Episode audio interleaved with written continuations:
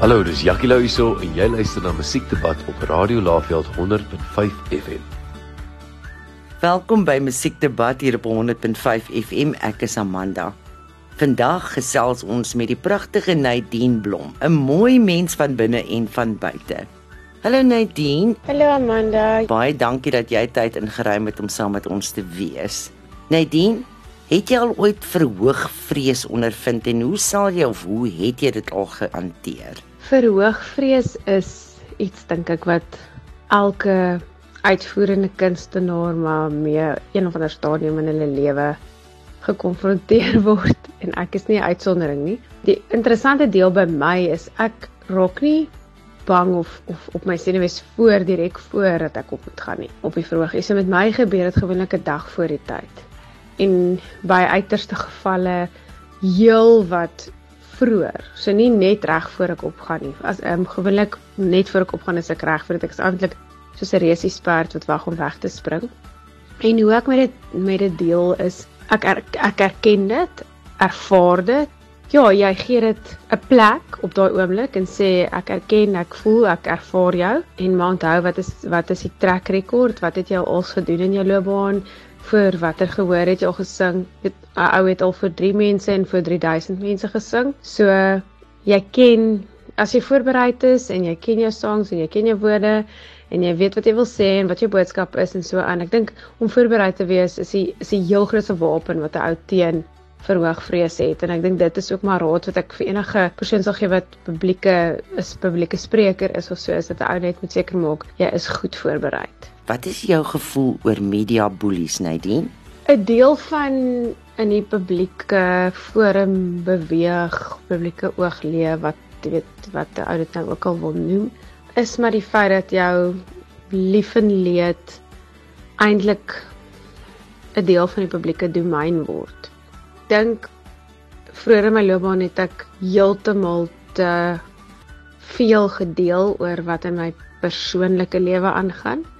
En in tyd het ek geleer dat 'n ou kan jou nesie, jou veilige plek, jou familie, jou gesin, die dinamiek wat daar gebeur, kan jy beskerm deur doodeenvoudig te sê jammer ek gesels nie oor my privaatlewe nie indien jy onderhoud gaan oor my rol in die publieke domein as 'n kunstenaar, as 'n motiveringsspreker, is ek bereid om basies amper enige vraag te antwoord, maar wanneer dit kom by my familielewe of my privaatlewe, verkies ek om nie daar te praat nie. Dit het al in die verlede gebeur met my dat uh, publikasies dan nie meer oor jou wil skryf nie of sal sê wel indien ons nie oor daai deel van jou lewe kan skryf nie, wil ons nie stel ons nie meer belang om onderhoud te doen nie. En in so 'n geval het ek dan geleer oor jare heen om te sê ek kan voor dit so ons almal het 'n reg op op um, grense. My grense is ek praat nie oor my privaat lewe in 'n publieke forum nie tensy ek besluit daar's iets wat ek wil deel wat ek geleer het uit Mawees of wat ook al maar dan is dit ook op my terme, né, want ons elkeen het die reg op persoonlike grense wat veilig is vir ons en ons gesinne. So en as ek dit sê, seker met groot respek en met groot deernis, maar ook ek het nie net 'n verantwoordelikheid teenoor jy weet teenoor myself in my eie grense nie, maar ek het 'n baie groot verantwoordelikheid teenoor my naby mense, my jy weet my kinders, my gesin en ek moet hulle beskerm in die proses. So media bullies is iets waarmee ek al baie te doen gehad het. Ek het al baie baie hardpak gekry in die media oor foute wat ek gemaak het en ons almal fouteer, ons is almal mense.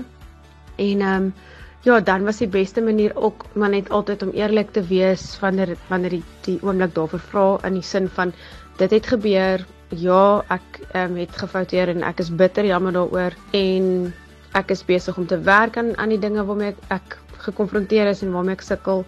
En dan is daar daai baie belangrike spreekwoord wat altyd sê dis nie hoe jy val nie, maar dis hoe jy opstaan. En ek dink baie keer kyk die publiek juis met ander oë na 'n mens na so iets met jou gebeur het want hulle sien jy sien maar die persoon is ook net 'n mens wat ook menslike uitdagings het. En dis nie 'n perfekte wêreld vir mense wat in die publieke oog leef nie. Inteendeel jy weet mense wat in die publieke oog leef is ook net mense en maak ook foute en is van vlees en bloed.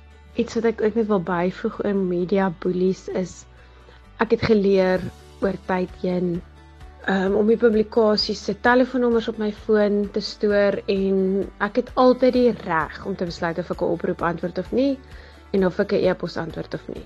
En in dit glo ek dat die media ook geleer het oor tyd om sekere dele van my menswees te respekteer. Waar vroeër in my loopbaan sou hulle my peper met vra en my amper op 'n manier ja, ek sal sê intimideer, probeer intimideer het. Jy weet en ek was jonk en onervare en ek het was bang, ek het vrees gehad en soos ek ouer geword het, het ek geleer dat weet jy wat kan hulle aan jou doen? Hulle hulle gaan skinder.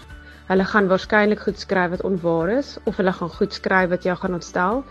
Maar hoe meer jy met dit engage, hoe groter word die gogga. So hoe minder info ou gee, hoe minder het hulle om te skryf. Jy het al soveel suksesse behaal in jou musiekloopbaan. Is daar nog iets waarna jy hinker? As 'n mens praat oor suksesse in enige loopbaan, dink ek dis 'n baie relatiewe begrip want wat vir een persoon 'n sukses is, is nie noodwendig vir ander 'n sukses nie. En andersom, vir my is die suksesse die feit dat ek 'n verskil kan maak in mense se lewens, die feit dat die gedagtes en idees wat ek van die Skepper af gekry het, ek die kans gehad het om te in aksie te sit, jy weet om te implementeer dinge soos super cool waar die Here net eenvoudig vir my die die plan en die drome gegee het en, en ek het net gehoorsaam was om dit te gaan uitvoer. En hy die een is wat die eer daarvoor kry. Maar wat ek wat ek dankbaar is vir is dat ek ja, instrument kan wees om wel projekte en suksesvolle projekte van die baan te stuur. 'n Groot droom vir my na heelwat jare in die musiekbedryf is om 'n hoofrol te sing in 'n musiekblyspel, verkieslik in 'n Andrew Lloyd Webber musiekblyspel soos Vita of ja, ek het ook ek het 'n klassieke agtergrond. My stem is is van klassieke aard, as ek sekere vertonings doen soos vrouoggend en dan bederf ek nogal nou en dan nie gehoor met iets uit uh, Andrew Lloyd Webber musiekplas basis Phantom of the Opera of of Evita Tank of Argentina of so. En dan ek dink nog 'n droom vir my sal wees dat ja, 'n boek van my in 'n film omskep word. Een van my stories. En ek ek glo en ek hoop dat dit nog in die in die toekoms gaan gebeur. So uh dis die twee groot doelwitte of, of sal ek maar sê drome wat ek nog het vir my loopbaan. En dan natuurlik net om aan te gaan doen en doen wat ek doen. Jy weet deur die land te reis en mense se harte te mag aanraak deur my musiek en deur my stem. Baie dankie vir jou tyd Nadine. Ek wens jou alles wat mooi is toe gaan so voort. Totsiens. Dankie dat jy ingeskakel is vir Musiekdebat hier op 100.5 FM. Ek is Amanda. Hallo, dis Jackie Lou hier en jy luister na Musiekdebat op Radio Laveld 100.5 FM.